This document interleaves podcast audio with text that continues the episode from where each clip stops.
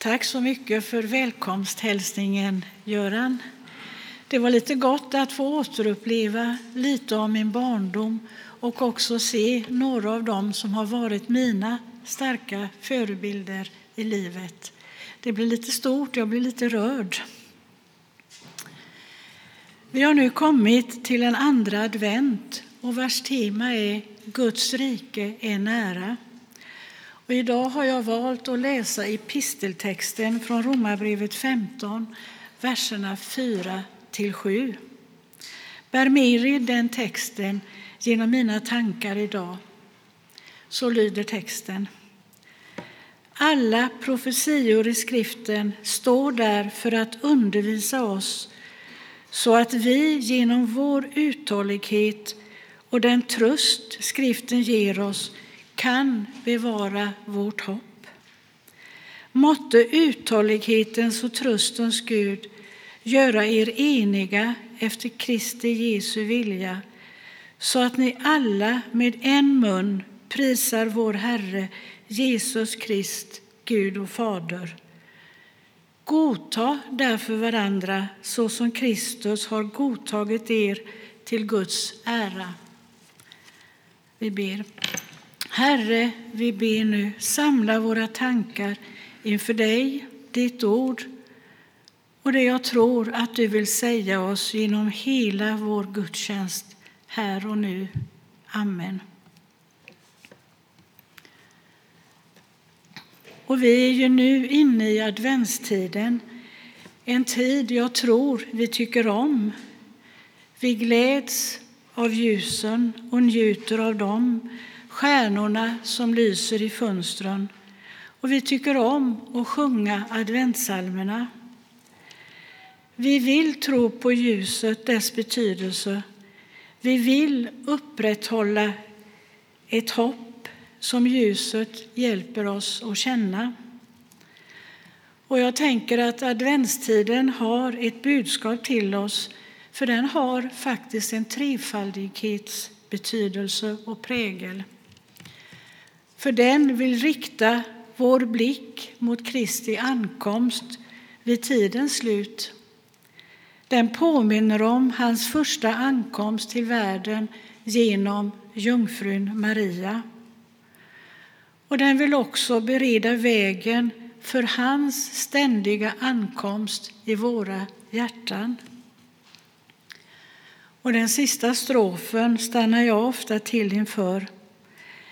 Inser att jag har så lätt för att gå in i mig själv blir, upp, blir ofta uppgiven, inte minst när jag ser den blödande värld vi lever i där jag känner att dagens tema, Guds rike, är nära känns just nu långt borta. För det rike jag hoppas och vill tro på är ett rike som nu känns avlägsen men som jag ändå vill tro finns där och ska bli en verklighet till slut. Jag konstaterar också att på en global skala så tillhör inte jag och vi de allra mest utsatta. Och ibland kan det kännas att jag blundar för andras smärta, inte enbart för att skydda mig mot insikt om lidandet. Funderar på om det kan vara så att jag skyddar mig mot min egen skam. För min skam växer sig lätt så stor att den överskuggar medkänslan och konsekvensen blir självupptagenhet. Jag Är kanske inte ensam om den känslan och vi kan då fastna i betraktandet av oss själva. Vi skäms därför att vi tycker att vi ingenting kan göra och därför gör vi inte ens det vi kan. Vi står ju ofta inför olika val som rent konkret kan se ut så här. Ska jag ge en slant till tiggaren vid affären? Ska jag skicka pengar till Röda Korset, Equmeniakyrkan eller andra organisationer Gör det verkligen någon nytta eller hamnar det i fel händer. Det är lätt att sådana tankar tar över tills min behövande nästa är helt skymd av den. Och jag läste några rader skrivna av författaren Maria Kyrsen. Hon skriver mycket klokigt. Och här skrev hon bland annat så här, och det är en frågeställning. Om jag ger och hjälper väntar jag mig då någon form av tacksamhet. Det kan då vara provocerande att få höra från en av i mina ögon utsatta människor. Nej, jag behöver inte fler avlagda kläder, däremot ett uppehållstillstånd. Jag vill inte ha några fler smörgåsar. Jag behöver däremot lite pengar. Tänker vi då, borde inte den utsatta inse att min goda vilja har ett värde i sig och därför tacka oss genom att ta emot?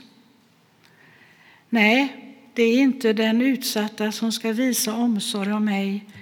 Min omsorg om andra måste komma utan villkor.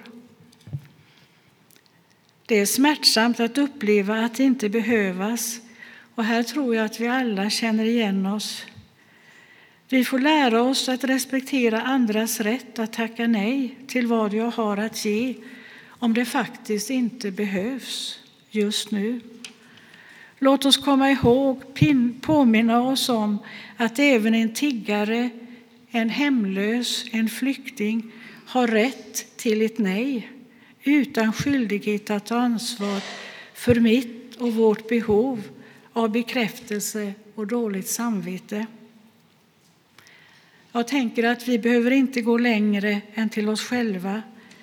Vi värjer oss ju mot omsorger som vi anar handlar om den andres självbekräftelse, deras behov av tacksamhet.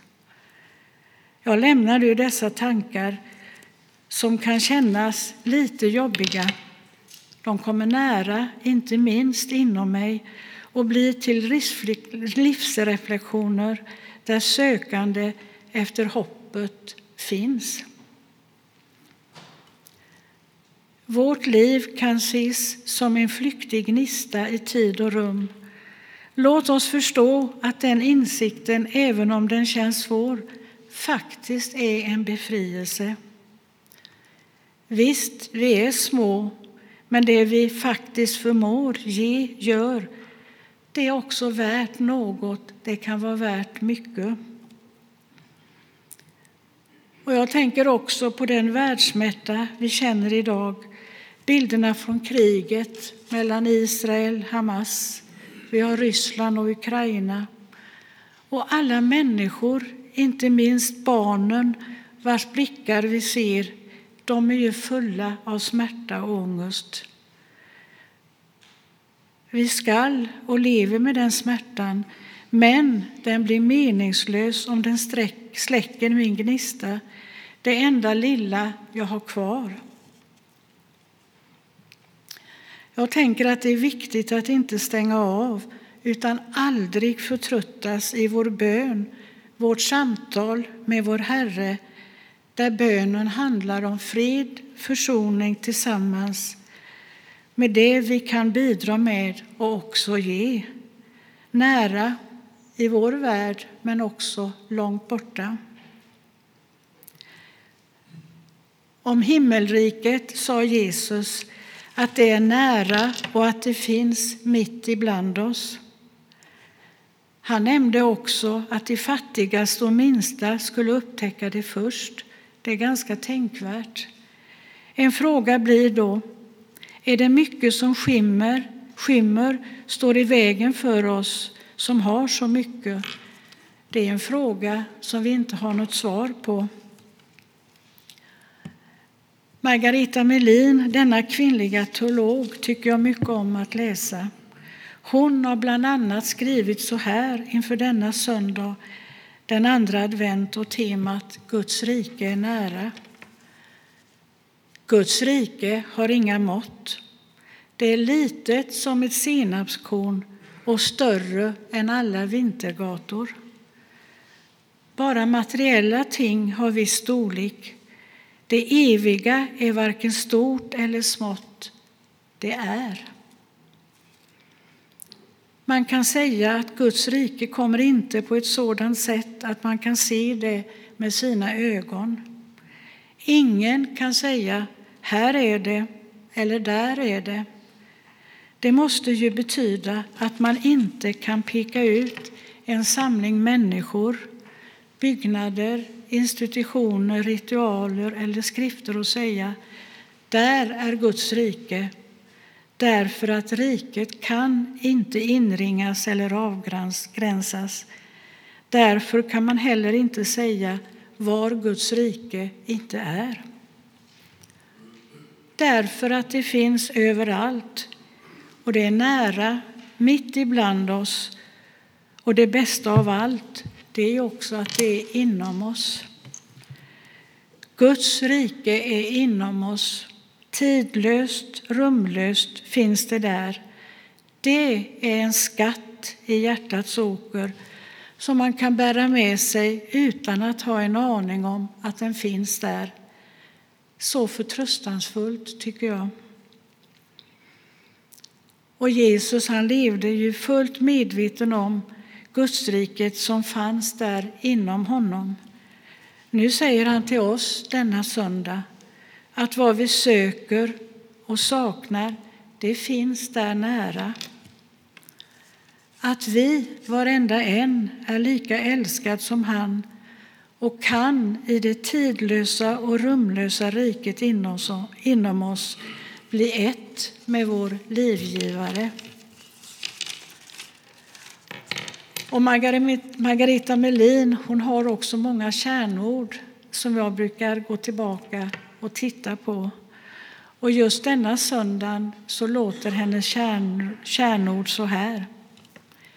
Himmelriket bär vi inom oss, varats fasta punkt. Ett hemligt frö med outsinlig kraft och gränslös glädje. Och slutorden från mig idag får bli att uthållighet och tröst, det är nyckelord. Det är vad som överbygger gapet mellan den utsatta och den privilegierade. Uthållighet och tröst kan vi ha gemensamt och i gemenskap tindra luftet om Guds rike starkast. Löftet om något bättre som faktiskt en dag kan komma för att stanna. Avsluta med de ord jag läste i början av mina tankar. Adventstidens trefaldiga prägel.